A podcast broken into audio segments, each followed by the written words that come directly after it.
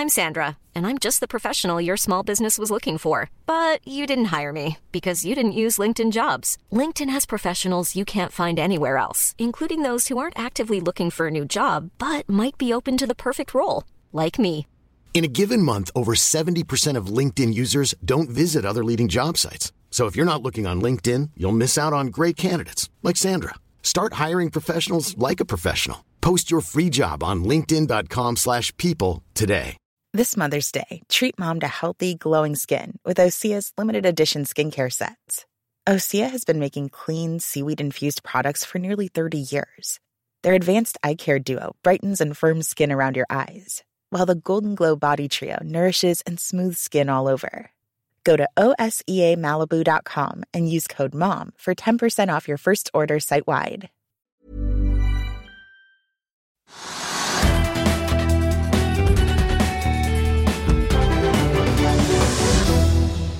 Jerome klinker til med 0,75, og Ida svarer med 0,5. Ja, det er den tabloide overskriften på hva som nå skjer. Velkommen til Økonominyhetene.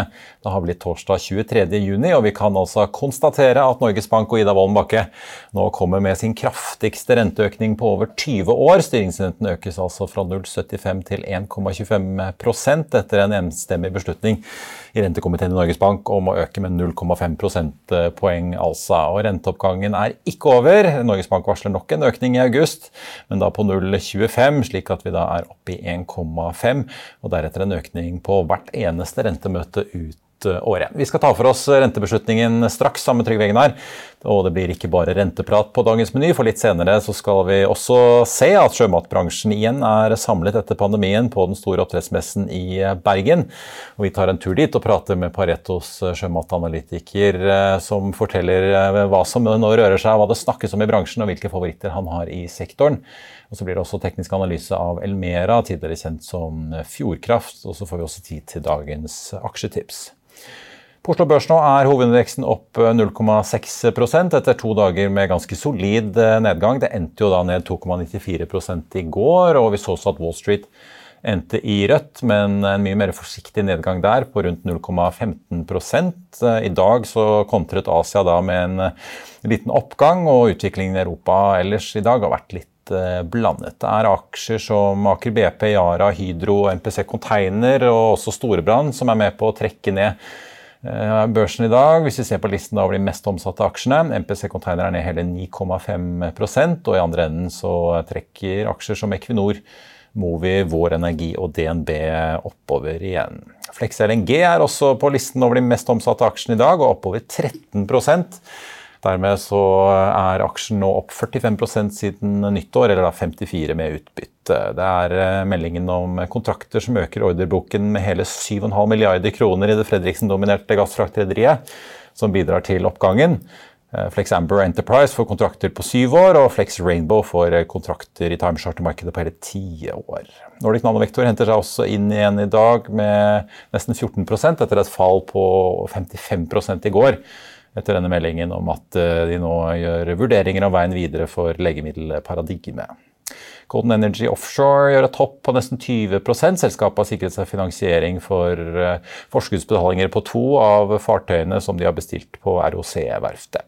Så får vi også ta med da at offshorerederiet Doff er ned 11,8% etter det brutale fallet i går på over 44% da denne meldingen om restruktureringsplanen som Doff har jobbet med i flere år, kom på bordet. Gjelden skal jo da kuttes fra 18 til rundt 13 milliarder, og dagens aksjonærer blir sittende igjen med rundt 4% av selskapet. Tomra har hatt kapitalmarkedsdag i Tyskland i dag. Aksjen har ikke reagert så veldig mye, opp 1,3% og dermed er utviklingen så langt i år på minus 48% for dette selskapet. Tomra oppjusterer vekstmålene sine fra 10 der de har ligget på omsetningsveksten i noen år, til 15% for de kommende årene.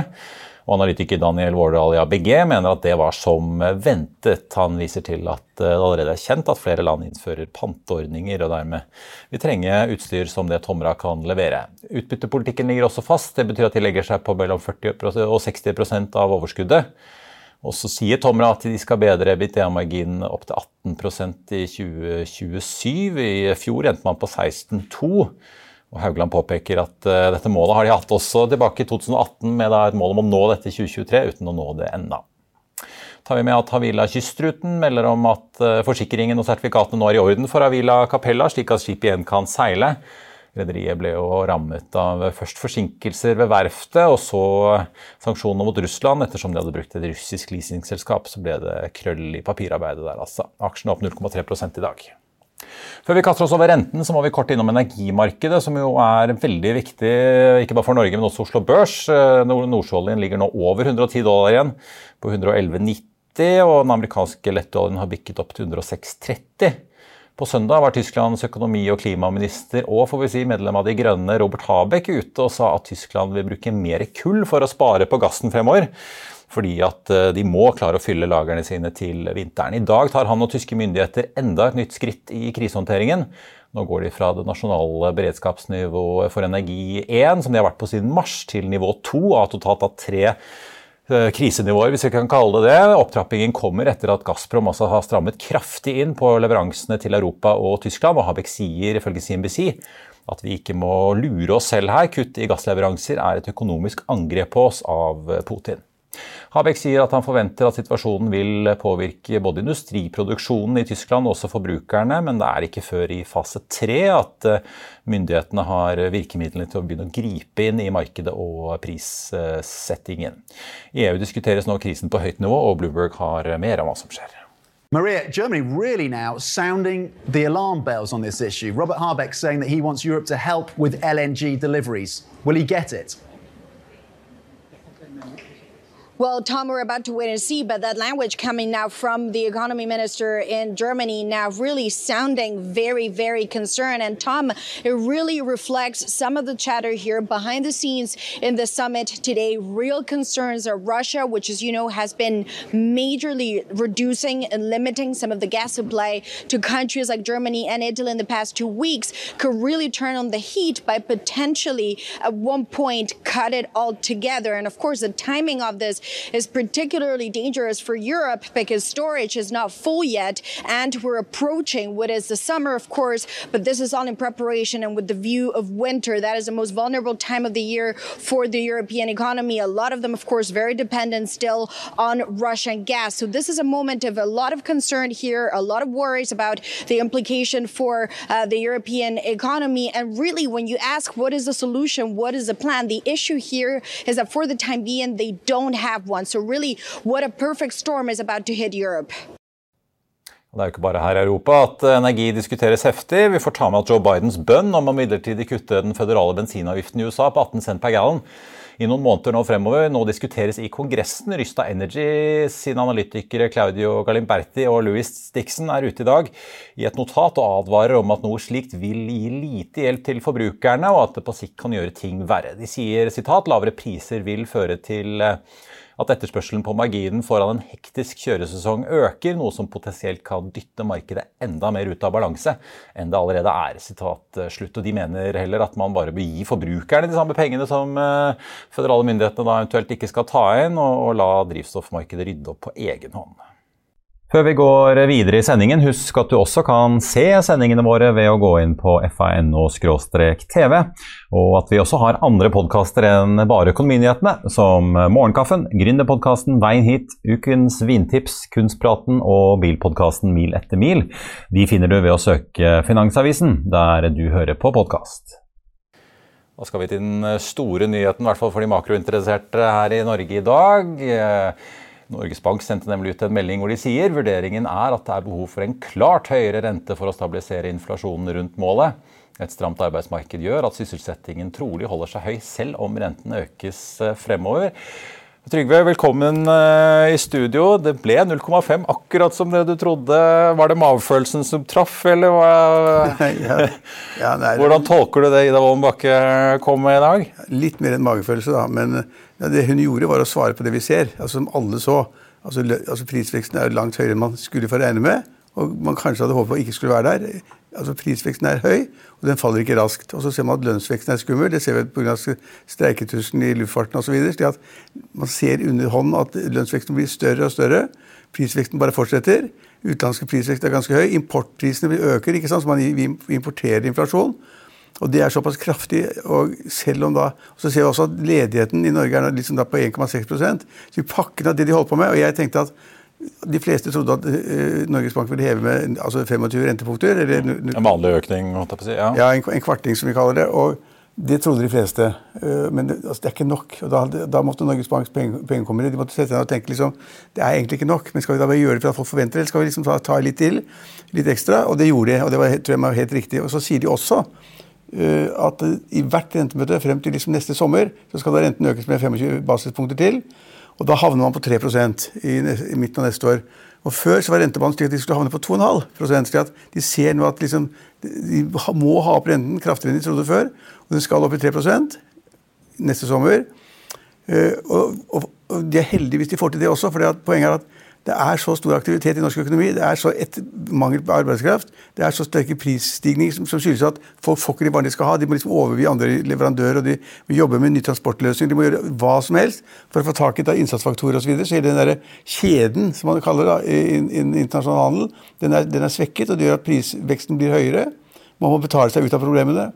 Og det har Norges Bank sett. Så, det, så da, da, da, tenkte liksom bare komiteen at ok, la oss gjøre noe mer enn det man forventer. Og så ble det da 0,5.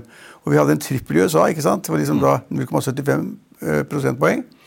Så vi er på en måte i vi, vi, vi, er på, vi, er på, en bølge med resten av Europa og, og USA at renteøkningen blir ganske kraftigere enn man trodde bare for måneder og uker tilbake. Ja, det var jo Referansen var jo rentemøtet da i mars, hvor de også hadde en pengepolitisk rapport. Eh, men det var jo noen gjennomgående tråd egentlig i hele pressekonferansen var jo at eh, det var ikke bare energipriser og importerte priser, det var også det at prisene på norske varer og tjenester begynner å øke jevnt over eh, hele fjølen, egentlig. Jo, for det, er, altså, det, på en måte, det sprer seg jo da, så at det blir en bred prisoppgang. Ja. Du får høyere kostnader på alt mulig rart. Altså, enten det er transport eller lagerkostnader eller hva det måtte være alle ting går opp i pris, og da må liksom bedriftene ta det igjen. Og det gjør de da nå. Ellers så vil marginene bli så dårlige at de ikke kan leve. Så at Forventet eh, prisoppgang for å ta igjen det man har tapt, det kommer hele tiden. Det er det samme som innen hotellnæringen. Du ser at Hotellprisene er jo helt ville for tiden. Bra, syns jeg, men de er høye. Det er for, ja, for ta... du som er i hotell, så er det hyggelig. Ja, ja, men de, de, skal ta igjen det de har tapt i to år. Ja. Noe må de jo gjøre. Så du kan ikke liksom sitte der med stor gjeld eller dårlig, dårlig, altså, dårlig økonomi. Du må gjøre noe med det. og det det, det, som skjer i norsk økonomi nå, det synes jeg på en måte er et ganske godt eksempel på at man må handle, og man må ikke ligge på etterskudd. Norges Bank har ligget litt på etterskudd, så tar de det igjen. Og så er det spørsmålet da liksom Er det ille for låntakere? Ja, det er, det er ikke, altså De som har lån, boliglån, syns ikke det er bra, selvfølgelig. Og de som har da næringslivslån, bedrifter som har kanskje investert i nybygg, lagerbygg, produksjonsanlegg osv., de får en høyere rente. Men man regner med at hvis, hvis altså styringsrenten går til 3 da, i midten av neste år, så vil jo ikke renten være mer enn 4,2 eller 4,3% for boliglånstakere. Og det er jo ikke mye. Hvis du går tilbake til begynnelsen av 1000-tallet, så var da styringsrenten 7% Ja, ja. Jeg husker jo boliglånsrenten var på 8 og 9. Ja. ja da. Så, så det, mye... det var ikke liksom 16 som på tidlig 90-tall, men likevel? Nei, men det var, det var, så sent som den gangen, altså 2002 var det vel så var det 7, 7 Og Det betyr jo bare det at man har relativt sett en lav styringsrente, relativt sett lavt rentenivå. Og så har folk da også da fordelen ved at de kan trekke fra rentene på skatten. ikke sant? Det er, det, er, ikke mulig å si at vi har en høy rente ennå. Vi kommer ikke til å få noe høy rente heller. Det, det er liksom litt skjønnsmessig da, i midten av neste år. Så liksom det at man virkelig slår til og rammer folk og får da styringsrenten opp i 5 eller 6 eller 7 og så får man marginer på toppen av det, slik at liksom låntakerne må betale 10 eller 8-9% der er vi ikke i nærheten av å være. Ja. Ikke i nærheten. Poenget er vel å gjøre å si, tidene litt mindre gode for alle sammen? Ja, nettopp. Og, og du kan se at Oslo Børs var interessant i dag. Da, umiddelbart da, da meldingen kom, så sank jo Oslo Børs prosenter av landet eller sånt. Folk ble engstelige med en gang. Hva som foregår? Ikke, nå skal vi tas. og skal, Alle skal få det litt verre. Men så fikk man tenkt seg om. tenkte man, Det er ikke så ille ennå allikevel. Selv om det kommer til å være masse syting og boliglånsrente til folk som har litt dårlig råd, familiehusholdninger som har litt svak økonomi. De får jo høyere renter. Men folk kom, altså, de som da er investorer på Oslo Børs, de tenkte sånn at dette her kan vi leve godt med. Tenkte de umiddelbart. Og så har det snudd fra da minus sant, til pluss. Og som du sa, så var markedet nå da vi startet sendingen, så var markedet på Oslo Børs pluss en halv prosent. Og De amerikanske børsene i går var så vidt ned, altså bitte, bitte litt, slik at markedet er stillestående og venter hva som skal skje. Uh, Oslo Børs er opp. og Da kan vel folk regne litt og tenke litt på det. og sånn, og da, da tenker de at ok, det er ikke så farlig likevel. Var, de skal skremmes. De skal skremmes litt. Ja, altså jeg synes det, det, var, det ble jo påpekt uh, på pressekonferansen i dag at uh, de ligger nå inne med prognoser om at de ikke vil klare å komme tilbake til inflasjonsmålet sitt uh, i løpet av prognoseperioden. Så de regner jo med at prisveksten vil være ganske relativt sett i hvert fall høy eh, en god stund. Ja, for de skal jo ned til 2 altså det er det målet, målet Men de regner jo ikke med at de kommer dit faktisk Nei. på noen år da? Jeg tror ikke de regner med at de kommer dit i det hele tatt. For noen år som det er godt poeng, de, de, kommer ikke dit. For da må de skru til enda mer. Ikke sant? De må enda høyere rente for å dempe etterspørselen både på investeringssiden og konsumsiden. Og vi er ikke der. altså Norges Bank er litt lure når de legger seg litt, på litt oppgang. Lager en ny rentebane for å skremme folk. Tenk dere om, ikke ta for mye gjeld. ikke sant? Betal ned gjeld hvis dere kan. Eh, legg litt til side for at de skal betale det ene og det andre. Og til husholdningene sier de at de ikke bruker for mye penger. Mm. Og det er, godt, det er, et godt budskap. Det er et riktig budskap. Men ved at de da nå gikk høyere enn man hadde trodd, likevel vil de ikke komme ned på 2% i løpet av et par år. Og USA også. USA er ikke i nærheten til å komme ned på 2% De er jo godt over 8 så... Ja, men de er ikke i nærheten. De må skryte veldig mye mer. Da kan de strupe, strupe økonomien, og jeg tror at de får en resesjon i USA. Og så er det spørsmål om den resesjonen de får i USA, om den smitter til resten av Europa eller andre steder. Ja, jeg, vår kollega Haram var jo eh, nede og spurte Ida Wolden i dag eh, litt om nettopp det at det, vi sitter jo og følger veldig med på hva de andre gjør. Det er jo et rentemøte til i USA da i juli nå, hvor eh, spørsmålet er om de øker med 0,75 enda en gang. Så sa jo Wolden at høyere renteforventninger ute er en av faktorene som bidrar til at de nå oppjusterer rentebanen. Men hun ville ikke svare på bare spørsmål om det Jerome Powell nå gjør i USA blant annet, og britiske sentralbanken gjør, og alle øker rentene rundt, faktisk avlaster henne litt. At hun da ikke bør øke like mye. Nei, det er helt sikkert. Altså, altså, man ser jo det at det er såpass mye på gang. da. Sverige har hevet renten, Storbritannia har hevet renten, USA har hevet renten. EU har ECB kommer vel etter? nå? de har ikke gjort det. De, ligger, de kommer i juli, i juli, tenker jeg. Det kommer altså, kommer altså det Lagarde har sagt, i hvert fall. Ja. ja. Så alle kommer, men så da, da vil liksom Norges Bank ligge i sånn midtfeltet. da. Ikke, liksom, ikke er det økning på 0,75, ikke? Ikke er det for lavt på 0,25, og så er det da 0,5 er liksom mellomløsningen så langt. Men liksom, når de sier at de skal øke liksom renten sånn hver gang med 0,25, så høres det litt sånn nesten litt for enkelt ut. altså Det kan, bli, det kan faktisk bli 0,5 neste gang også. Jeg tror ikke på det. Hun sa at hun ikke regnet med det. Hun sa, Sentralbanksjefen sa det at de måtte regne med en kvarting hver gang. Men det har de sagt før også. Så. Jerome sa 0,5 før da rentemøtet nå her nylig, hvor det ble 0,75. så... Men, men, du var inne på noe annet også. Det er liksom folk, folk liksom, det er, det er liksom litt manglende logikk. altså Biden og USA, som, som da tenkte på liksom å, å redusere eh, bensinavgiftene. Som da man krever i Norge, det Fremskrittspartiet og Listhaug holder på med det. For at bensinprisene er høye i Norge. Jeg tror, jeg tror, mange skulle ønske seg lavere bensinpriser. Ja, de er, ja. de er på også 29 kroner. Mm. Så, og det er helt naturlig å si, som man altså gjør i USA. Biden sier også vi må gjøre noe med det, la oss liksom få ned avgiftene. Men det er helt feil politikk. For poenget er at vi skal, må få etterspørselen etter energi ned. Etterspørselen etter gass og olje. Inn, vel, ja. vi skal, vi må ha etterspørselen ned, og det får du til ved høyere pris. Hvis du setter prisen ned, så vil folk bruke mer. Det blir enda større etterspørsel etter gass, enda større underskudd på gass, enda større underskudd på olje og bensin. Så det, det er helt feil. men det, det, er liksom sosialt riktig tenkt, men det er helt feil realøkonomisk. Man kan ikke gjøre det. Det blir bare verre. Og Vi ser jo, eh, Apropos kjøpekraft, eh, kronen har jo svekket seg en god del nå utover våren. Vi ser liksom at dollaren, eh, euroen Det er, liksom, det er fort titallet. Man kan fort ta tigangeren hvis man skal konvertere. Så dollaren er jo ti kroner verdt. Ja. altså 9,98 eller hva den er for noe. Snuser rett rundt eh, tikroningen. Uh, det er jo på en måte også et uh, element her i prisstigningen vi får da, på alle disse importerte varene. Ja, altså hvis den svekker seg mer, da, så får vi klart mye importert prisstigning. så det men det, det, det, det som er litt, jeg syns er litt spennende, det er hvordan aksjemarkedet egentlig vil reagere når de skal fordøye dette og tenke seg om. liksom, hva betyr det? Jo, det betyr noe for det, altså fremtidige inntekter i tekstselskaper og luftige selskaper. Men ikke så mye, kanskje. Men så betyr det kanskje for masse for, for store eiendomsselskaper som da på en måte har hatt dårlige marginer og har levd på det at eiendommen har blitt skrevet opp. Eh, så har de levd på det med en liten margin, og så har de liksom lånt penger i banken til 2% eller 1,5 rente. Så har de akkurat gått rundt, og så skriver man opp verdiene på eiendommen da året er omme med 2 eller 3 eller 4 eller 5 ikke? Så blir man veldig rike på, på papiret. Hvis man nå da får en sånn smell at liksom selv de små marginale endringene man har fått nå i Norge, kommer til å få i Sverige, i Storbritannia, i USA, så vil alle som sitter på store mengder fast eiendom, få en liten skrell. Så må man tenke hvem er det som får skrellen? Jo, det er bl.a. eiendomsselskapene. Mm. Så, eh, og en, en annet morsomt poeng i dag er jo det at du var inne på det, at LNG Flex, altså Fredriksens selskap, har liksom fått masse ordre og, og, greier. Og det er fordi at, som du var inne på, Tyskland, Tyskland har sagt vi, vi, kommer ikke til å få den gassen vi trenger. Hvis De sitter sånn ja, sagt, og får tak i alt de kan utenom Russland? ingenting, ja. de får ingenting fra Russland. Så søker de masse andre steder for å få det, og nå er de kjent åpent og sagt at det blir et problem. Vi klarer ikke å få den gassen vi trenger.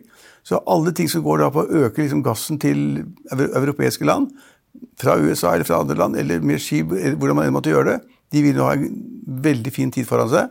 Fordi at folk er desperate, og Tyskland sier nå at vi klarer det ikke. Vi klarer ikke å skaffe nok gass til industrien, og vi klarer ikke å skaffe nok gass til husholdningene. Vi må gjøre et eller annet. Og det første de gjorde, da, var da selvfølgelig, å sette i gang da, eh, kullkraftverkene. På løpende man kommer til å komme. Atomkraftverkene er jo stengt, dessverre. Og andre land vil også øke da sine antall kullkraftverk. For gassen kommer til å utebli. Tyskland driver et rått, kynisk, tøft spill ved å skru igjen kranene. Og det rammer Tyskland i første omgang. Ikke Norge, vi er jo gassleverandør, gassprodusent, ikke sant. Og Vi ble bedt om å produsere mer, og det kommer vi til å gjøre, men ikke nok. Så Tyskland har sagt jeg har åpent erkjent at dette er ikke bra. Så Det det er bra for, det vil være for de skip, norske redere og selskaper da, som på en måte frakter LNG til da Tyskland og andre land. Ja. Ja, Vi ser jo ironisk nok i det Melkøya i Hammerfest som eh, det brant i 2020, var tilbake i drift, så var det jammen en brann på Freeport LNG-anlegget i Texas som gjør at masse gass er liksom innlåst i USA nå. og Der har jo prisen gått veldig ned, selvfølgelig, for de får ikke sendt den til Europa, hvor vi betaler gladelig for eh, LNG-laster. Nei, Og det gjør vi. Og det, så... og det gjør jo ikke akkurat situasjonen enklere for Tyskland og co. Paradokset er det at liksom vi har visse næringer i Norge som da enten er oljeindustrien, Equinor eller er gass, ikke sant, som, som tjener enormt mye penger på at prisene er så høye. Og så har vi da redere som også tjener penger på det, de skal da på en måte frakte gassen. Og så har man da på en måte en stor del av resten av økonomien i Europa andre som er skitt dårlig. Mm. Så skal man da balansere det på Oslo Børs, og det, det, blir, det, blir, ikke helt lett. da. Det er noen som sier, og det er kanskje, kanskje riktig, nå skal jeg på ferie, skal jeg kanskje prøve å formulere et eller annet sånt, men det er at man kanskje skulle, hvis, hvis, det blir litt sånn, liten oppgang i energiprisen igjen, som du var inne på, ikke sant, olje og gass litt opp, og, så burde man kanskje gå ut til energisektoren, ta profiten og sette den i de selskapene som har falt mest. Mm. Det er sånn skikkelig bedt på det at liksom, nå er det kjempehøye energipriser. Du har ment deg for tidlig å drive bunnfisketek og vekst, i hvert fall. Ja, ja, ja men jeg, for jeg, regner med at rentene blir enda høyere, slik at da, liksom, da blir verdien av disse tekstselskapene enda lavere. Og hvis det skulle falle en del da pga. renteøkninger, så kan man jo tenke seg at man da på en måte tar profiten i energiselskapene og går inn i de, de selskapene som har falt mest. Kan tenke seg at Det vil være en god idé for noen de som har store porteføljer, som skal, de må finne litt så store ting å gjøre. Ja, Det handler vel litt om egentlig troen på hvor underinvestert det er i olje og gass. Eh, jeg ser jo DNB Markets er jo blant de som er mest bull om dagen. De tror jo at uh, dette kommer til å vare mye lengre, disse høye olje- og gassprisene, enn det som markedet har regnet med til nå. i hvert fall. Ja, men jeg blir litt, litt skeptisk når alle sier liksom det at det nå er uendelig etterspørsel etter olje og gass. Det, er, kan det se ut som. At prisene bare kan gå og gå og gå. ikke sant? Altså 110 dollar, 111 dollar per fat. Det er liksom en lav pris. Det skal komme 120, 120 130, 150.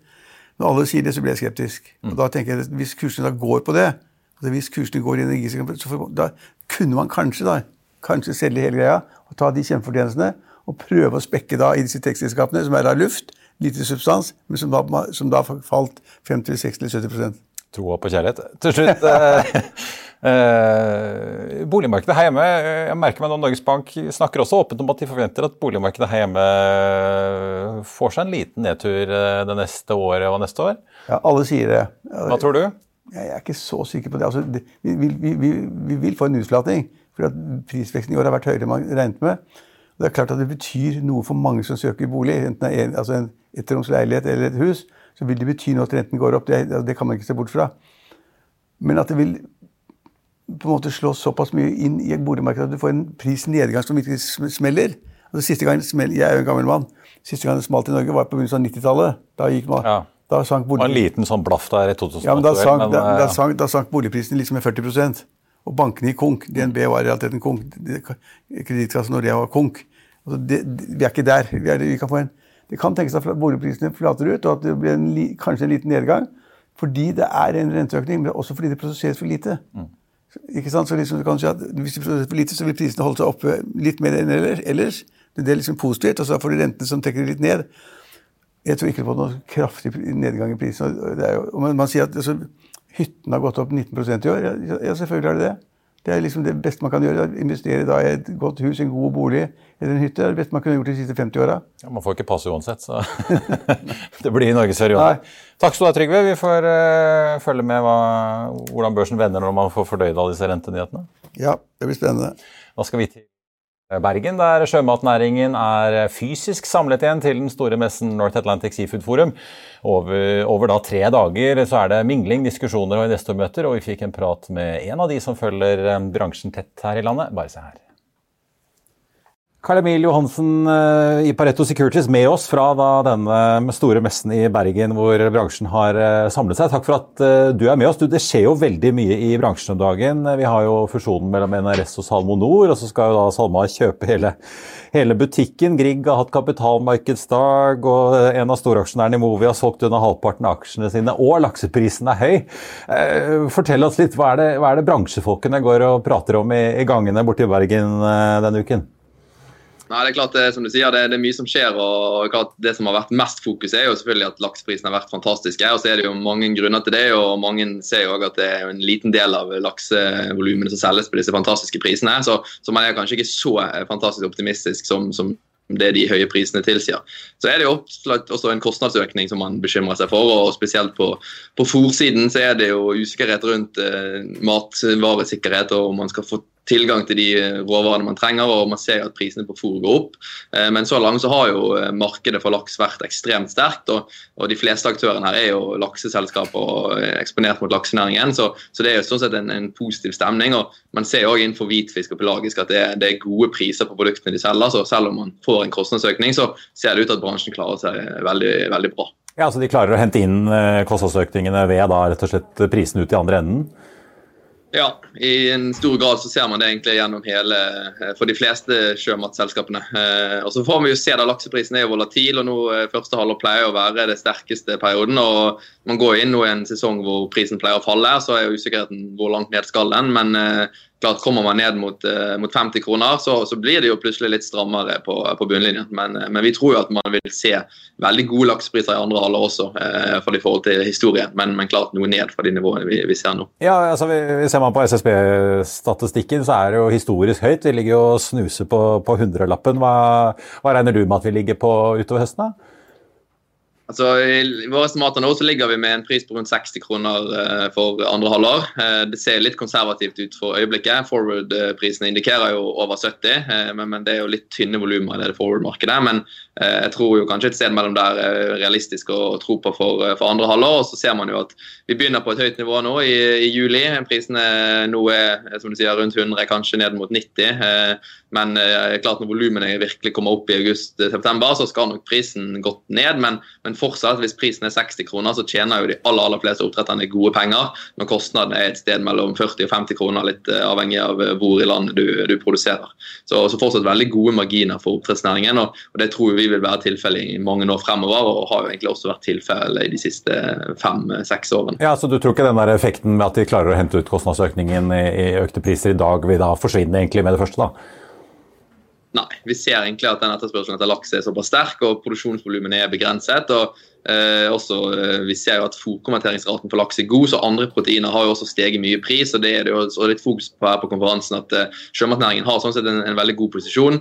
Eh, både den delen som er villfanget, som selvfølgelig ikke får en kostnadsøkning på fôr, de får det litt på, på eh, drivstoff på båtene sine, men eh, man, man, er i en god posisjon til å også kunne øke prisene på sluttproduktet når andre proteiner også blir mye dyrere. Vi må snakke litt. Du har jo en bred dekning av stort sett alt som rører seg av verdipapirer i denne sektoren. Du har, du har kjøpsanbefaling på alle aksjene nå, unntatt NTS, eh, Bakka Frost og SalMar. Eh, hvem er det som er eh, favorittene dine i, i sektoren nå?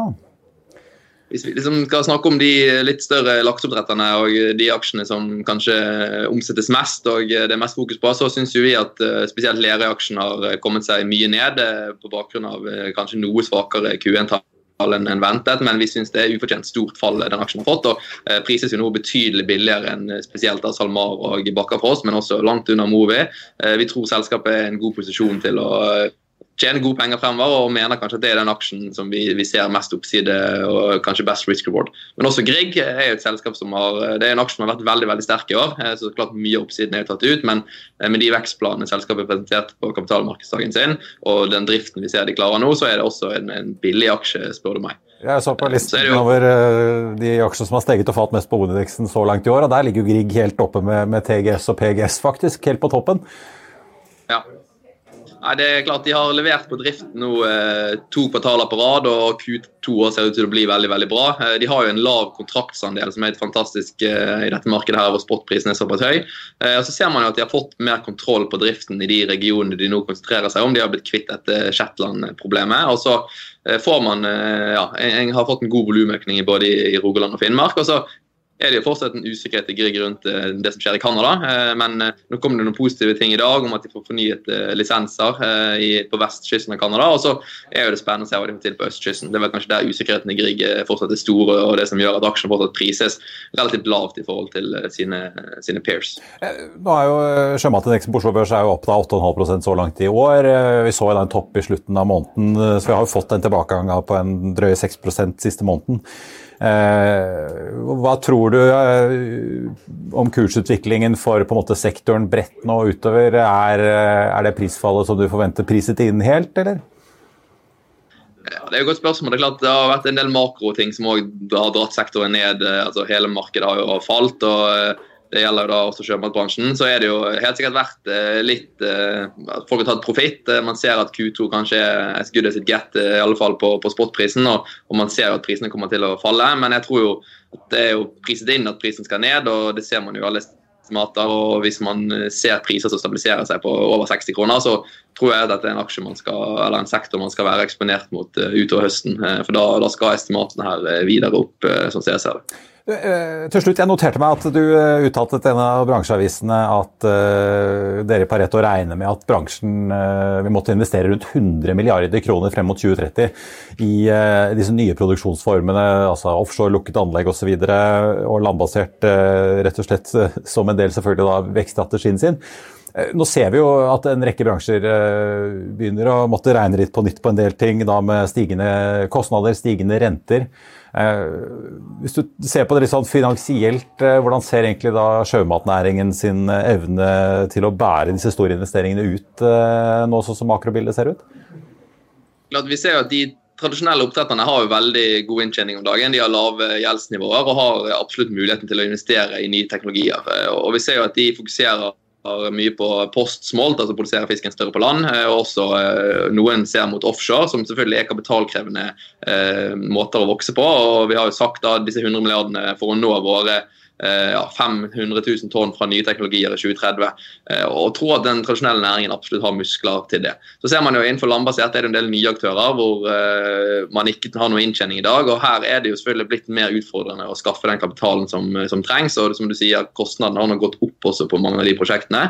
Så her er det litt utfordrende for øyeblikket. Men jeg tror jo at det man ser akkurat nå, det er jo ikke noe som vil vedvare for, for evig tid. At det er så vanskelig å få til byggeprosjekter, spesielt spesielt i USA, men også i Europa. Og jeg tror også at når man får noen positive historier eh, om at man klarer å produsere laks på land til en eh, OK kostnad, så, så vil eh, investorinteressen komme tilbake, og man vil se at det blir investert mer penger i den sektoren også. Men det er klart de volumene vi forventer fra land, de vil være begrenset de neste fem årene. og så er det jo kanskje fra 2025 og utover det, det mulig å se for seg en, en litt mer betydelig vekst, men, men fortsatt sånn 200 000 tonn som vi forventer på land i 2030, er jo, eh, vil på det tidspunktet være under 5% av global produksjon, så, så, det er jo fortsatt et, en veldig veldig nisje eh, andel av, av sektoren. Og, og Det ser man jo på konferansen her i dag. Det er mange landbaserte aktører som presenterer, og, og de har store planer, men, men de, de, erkjenner jo at ting tar tid, og, og de store volumene er en del år frem i tid eh, før, før, de kommer. Ja, Ikke så ulikt det vi ser i energibransjen. Sa Karl Emil eh, Johansen i Pareto med oss da fra sjømatkonferansen i Bergen. Takk skal du ha. Da skal vi over til eh, dagens aksjetips. Et utenlandsk meglerhus mener det er på tide å si takk for denne gang i oljeaksjen Vår Energi, og meglertopp eh, Gaute Eie ser lyspunkt i noen tech-aksjer som har eh, fått kjørt seg den siste tiden. Bare se her. Kjøp Tesla hvis andre kvartal blir svakt, anbefaler Morgan Stanley-analytiker. Adam Jonas i Morgan Stanley kutter kursmålet i Tesla etter at han ser svakere leveringer i Kina i andre kvartal. Han senker kursmålet til 1200 dollar, nesten utelukkende pga. at kapitalkostnaden øker, sier han i et nytt notat. Analytikeren senker estimatene på leveringer fra tidligere 316 000 biler til 270 000. Kursmålet gir fremdeles en oppside på nær 70% fra gårsdagens sluttkurs. Kjøp hvis andre kvartal blir svakt, er anbefalingen fra Jonas.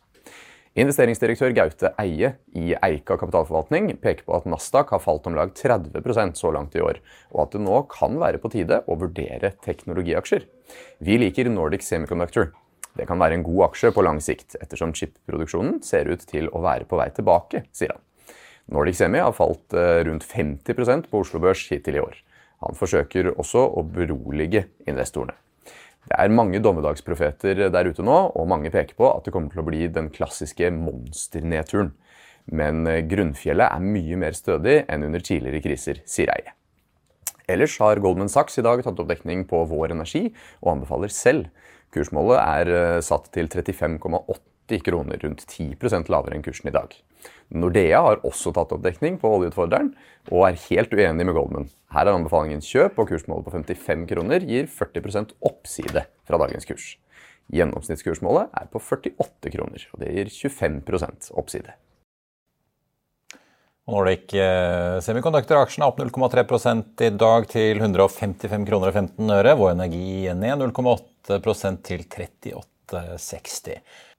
Og Elmera, som altså tidligere kjent som Fjordkraft, vurderes nå som en doblingskandidat av ABG. På Oslo Børs er aksjen opp rundt 7,7 torsdag ettermiddag.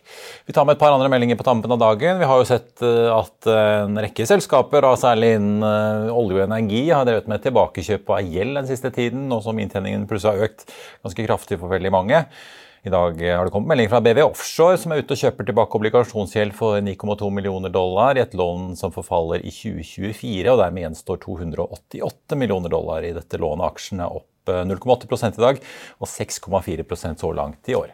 Everfuel og Greenstat melder om at de har fått tilskudd på 148 millioner kroner fra Enova for å gå videre med dette Hydrogenhub Agder-prosjektet, som inkluderer en elektrolysør på 20 megawatt Eh, som skal plasseres da hos Elkem i Kristiansand.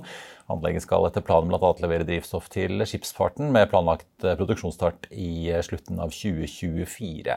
For øvrig er Glencore med i samarbeidet, og så langt så opplyser partene at de har inngått intensjonsavtaler med kunder som da totalt vil anskaffe da 8000 tonn komprimert hydrogen årlig. Everfuel-aksjen er ned 1,6 i dag, men er altså opp 50 så langt i år.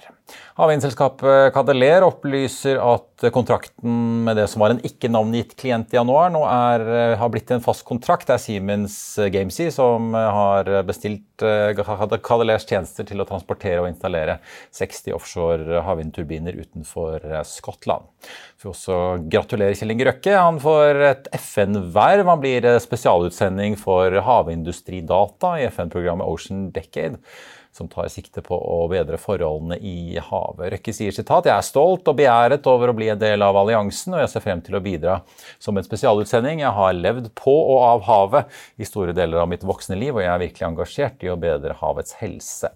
Det kommer altså fra storaksjonæren i Aker. Da skal vi ta en titt på markedet nå på tampen av eh, Børsdagen, hovedindeksen er eh, nå eh, så vidt i rødt, ned 0,1% så da har det jo svingt litt etter da to dager med ganske solid nedgang tidligere denne uken. Vi fikk en kort eh, pustepause på mandag uten at den så ut til å vare noe særlig. Sjømatindeksen på Oslo Børs opp 0,3% altså, mens bransjen samles til mingling og diskusjoner i Bergen får vi ta med at Havila Shipping ned 1,9 i dag. Flex LNG opp 11,5% altså på disse kontraktsnyhetene, eh, som altså gir dem 7,5 milliarder i økt eh, ordrebok. Og eh, så er da Nordic Nanovektor opp nå 13,9 etter dette kraftige fallet på 50 i går. Doff eh, fortsetter nedover etter eh, kursfallet deres etter denne meldingen om restruktureringen som kom i går. Den aksjen er nå ned 12,9% Tomra, som har kapitalmarkedsdag, opp 0,4. Så også ta med da at eh, flyaksjene, som jo sliter med streiker og dypt drivstoff og mye annet logistikkrøll. Norwegian er opp 0,5 i dag, flyr litt tilbake 0,9. De har jo fått veldig medgang i og med at de ikke er rammet av denne flyteknikerstreiken, i motsetning til da de andre. SAS ned 6, litt over 6 i dag. Norse Atlantic opp 2,3. Norse Atlantic eh, er jo nå i gang med flyvningene sine og har rukket å fly både til New York og Fort Lauderdale, og lanserer også ruter fra, eller til får vi si, Los Angeles i august. Så tenkte jeg også bare ta med da Havila Kystruten, som nå melder at eh, Havila Capella-skipet deres kan begynne å seile igjen, ned 2,9% Nordsjøoljen ligger på 112 dollar blank akkurat nå i spot-markedet. Det er opp 1,8% fra prisnivået vi så i går. I Finansavisen i morgen så har Trygves leder tittelen 'Norge er verdens beste i alt'. Du kan også lese om det nye grønne kjærlighetsbarnet til Rogaland og Trøndelag, eller rettere sagt det nye fornybarselskapet til Hightech Vision og Trønder Energi. Det blir børsintervju med Paretos Eirik Håvaldsen om shipping, og i sommerspalten så er SVs Kari Elisabeth Kask gjest. Da er vi ved slutten av eh, denne sendingen. I morgen er det fredag, og da er vi på luften igjen klokken 13.30. Og vi får besøk da av et selskap som ikke skal på Euronext Growth med det første, men henter penger for å satse videre via folkefinansiering før en børsnotering da er planlagt eh, neste år. Så det er vel kanskje et tegn i tiden om hvor vi nå er etter denne store bølgen vi hadde for litt siden av disse småselskapene. Men det er i morgen, altså. I mellomtiden så får du som alltid siste nytt på fa.no. Mitt navn er Marius Lorentzen. Takk for at du så eller hørte på, og så håper jeg vi ses igjen i morgen.